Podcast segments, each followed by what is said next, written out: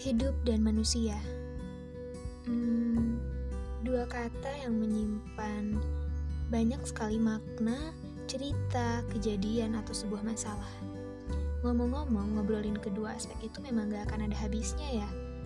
Ya bagaimana tidak, terlalu banyak aja gitu yang terjadi di kehidupan ini tentang cinta, keluarga, mimpi, pasangan, kegagalan, teman, dan hal lainnya yang gak bisa aku sebutin satu-satu.